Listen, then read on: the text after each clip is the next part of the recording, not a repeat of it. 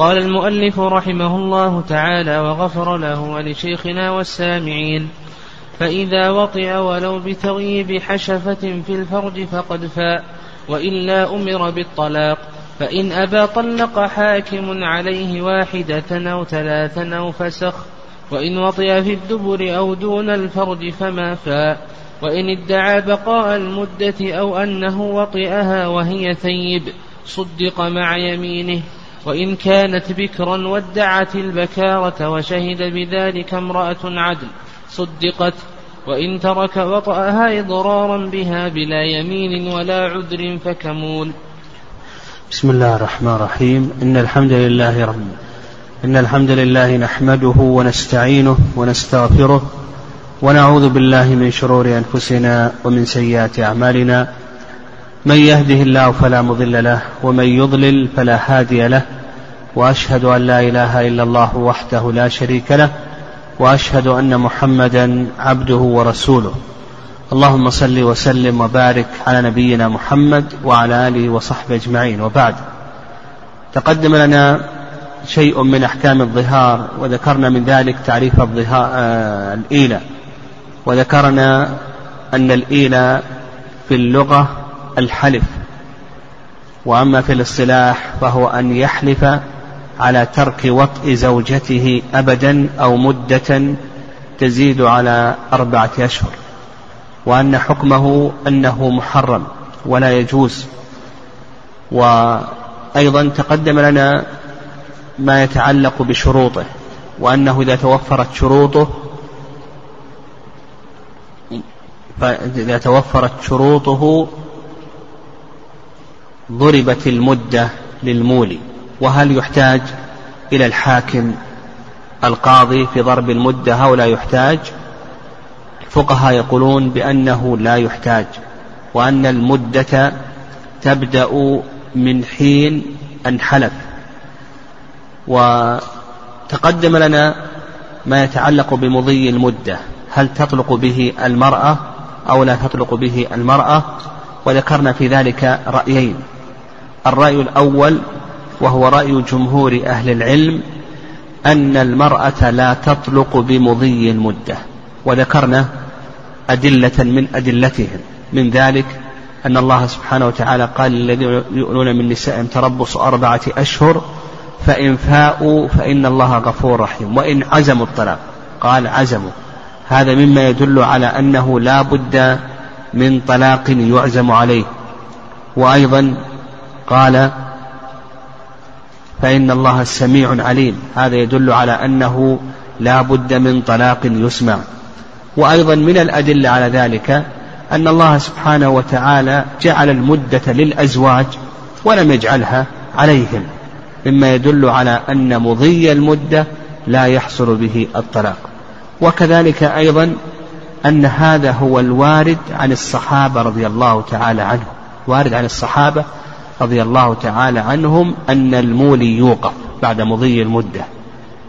إما أن يفي أو يعني أن المولي يوقف بعد مضي المدة وأنها لا تطلق عليه.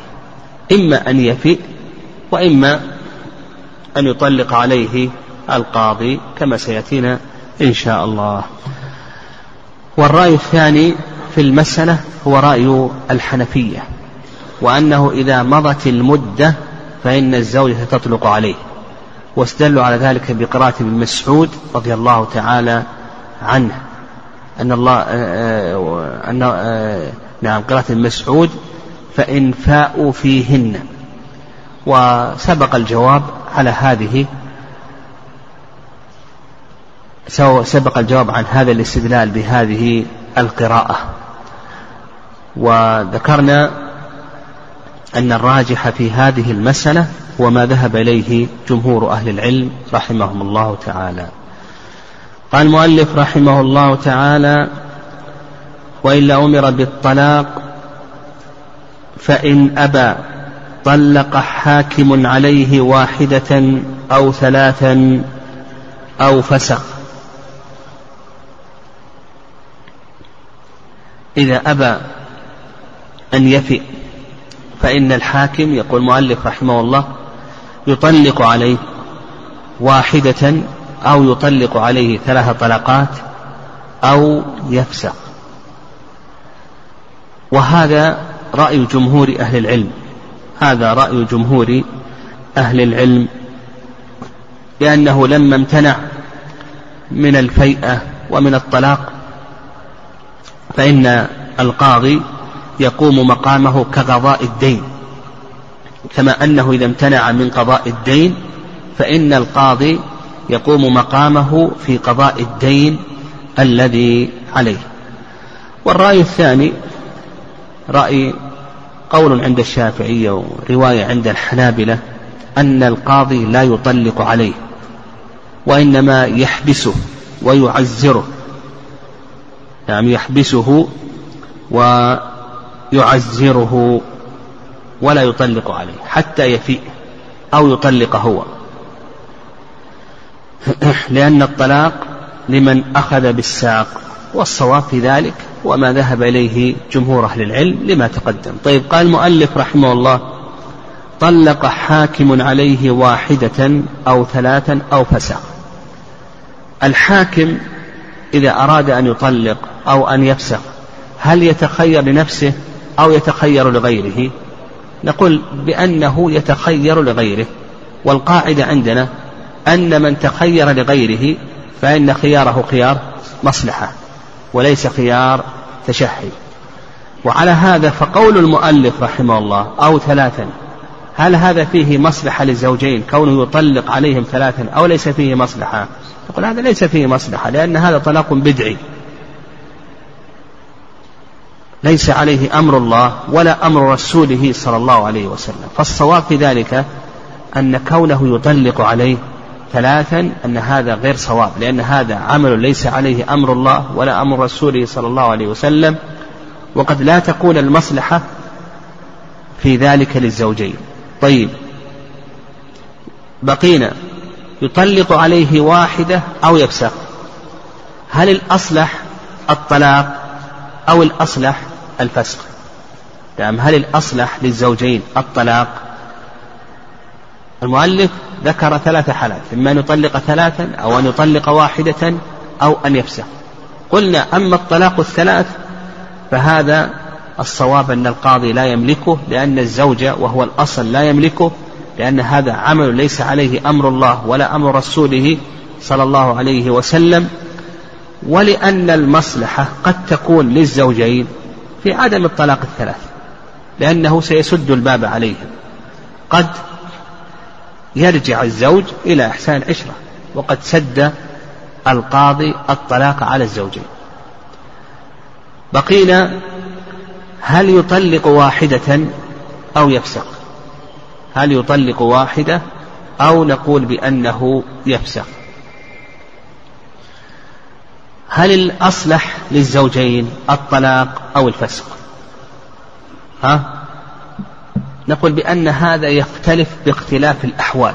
قد يكون الأصلح هو الفسخ وقد يكون الأصلح هو الطلاق. فيكون الأصلح هو الفسخ كما لو كان الزوج طلق زوجته طلقتين سبق له منها طلقتان. لو قلنا بأنه يطلق فإذا طلق الثالثة كانت منه بينونة كبرى وحينئذ يسد الباب. فنقول هنا الأصلح ماذا؟ الفسخ. وقد يكون الأصلح هو الطلاق. يعني قد يكون الأصلح هو الطلاق. كما لو كانت الحالة متعثرة بين الزوجين. الحالة متعثرة بين الزوجين. وقد سبق طلقتان. فكون القاضي يوقع طلقة هنا يسد الباب.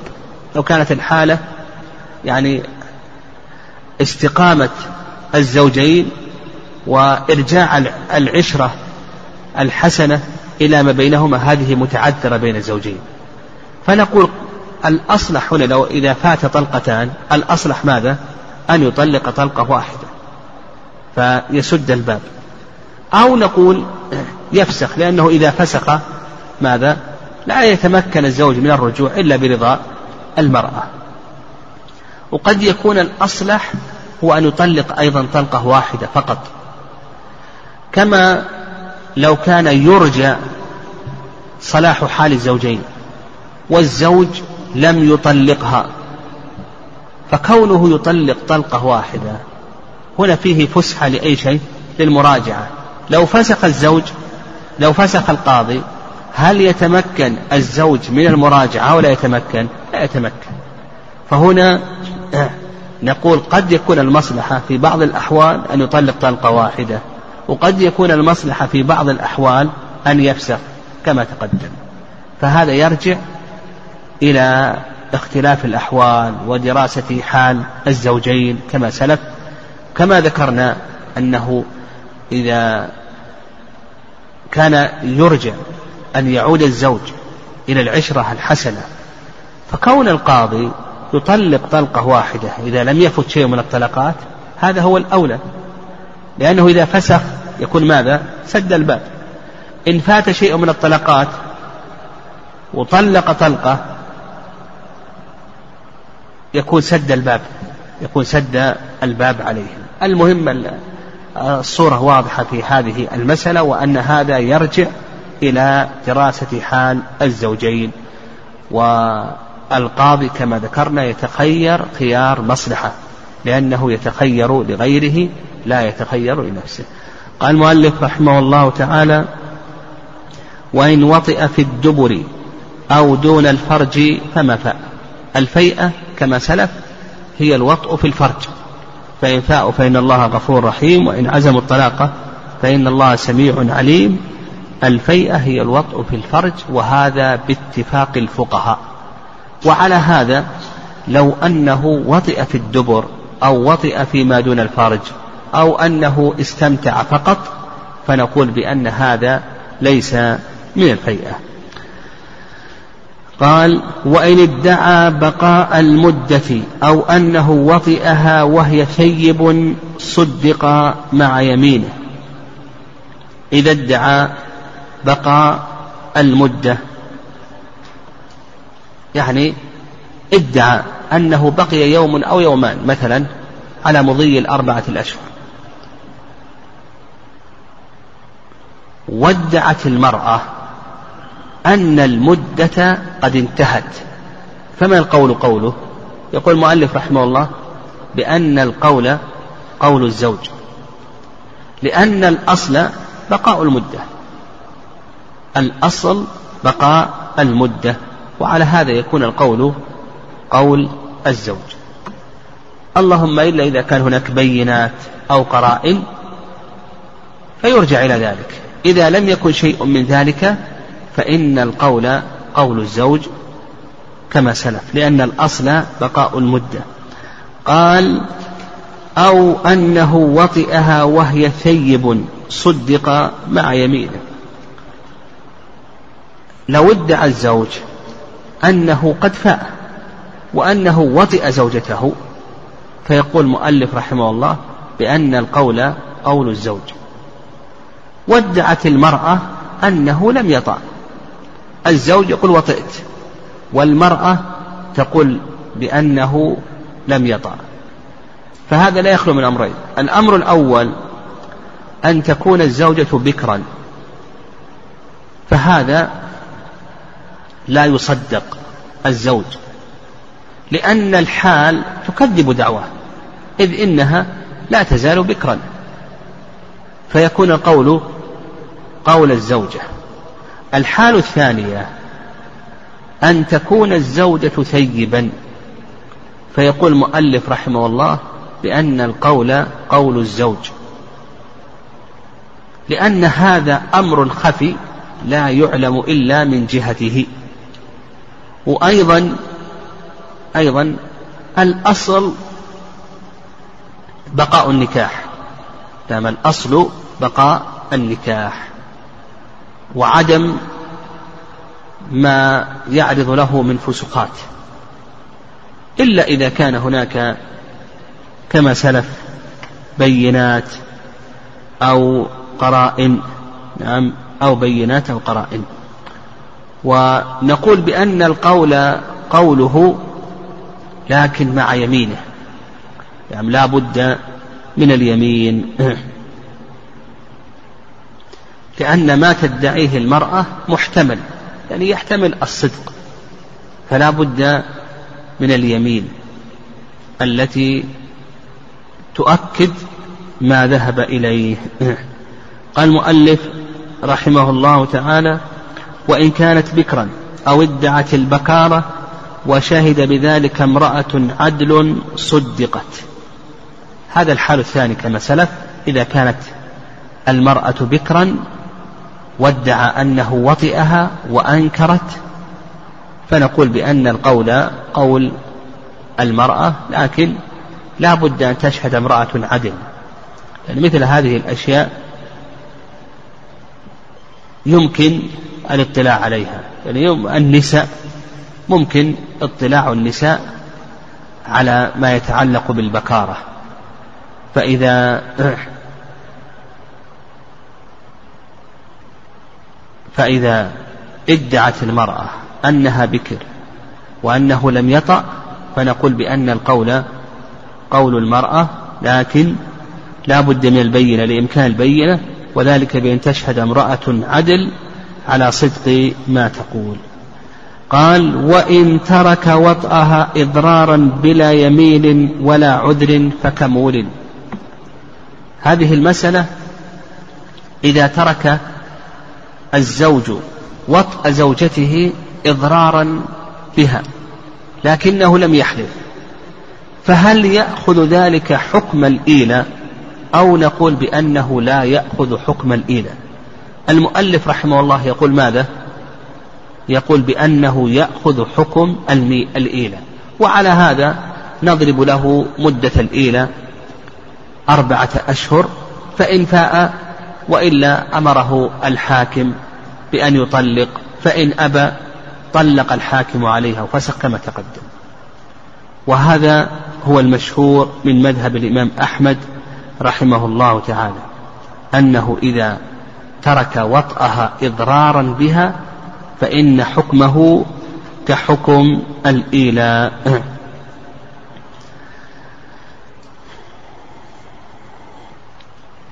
إلحاقا لهذه المسألة بالإيلاء. والرأي الثاني وهو الرواية الثانية في مذهب الإمام أحمد أنه لا يأخذ حكم الإيلاء. لتخلف شرط من شروط صحة الإيلاء وهو الحلف. فهو لم يحلف. والله عز وجل يقول الذين يؤلون من نسائهم تربص أربعة أشهر فإن فاءوا فإن الله غفور رحيم وإن عزموا الطلاق فإن الله سميع عليم. فما دام أنه لم يحلف لا يأخذ حكم الإيلاء وهذا القول هو الصواب وعلى هذا لا حاجة إلى أن نضرب له مدة. فيؤمر بالمعاشرة بالمعروف. فإن عاشر بالمعروف وإلا فإن القاضي يفسخ عليه. وهذا القول هو الصواب. والصواب في ذلك أنه لا يأخذ حكم الإيلاء ومثل ذلك أيضا لو ظاهر ولم يكفر. لأن المظاهر كما سيأتينا يحرم عليه أن يطأ زوجته حتى يكفر. لو أنه ترك إخراج الكفارة. هنا سيلحق سيلحق المرأة الضرر. فهل يكون حكمه حكم الإيلة أو نقول بأنه لا يأخذ حكم الإيلة. المشهور من المذهب أنه يأخذ حكم الإيلة. والرأي الثاني أنه لا يأخذ حكم الإيلة لعدم اليمين وهذا القول هو الصواب. وعلى هذا إذا ترك إخراج الكفارة إذا كان مظاهرا نقول يجب عليك أن تخرج الكفارة وأن تضع وأن تعاشر بالمعروف وإلا فإنه عليه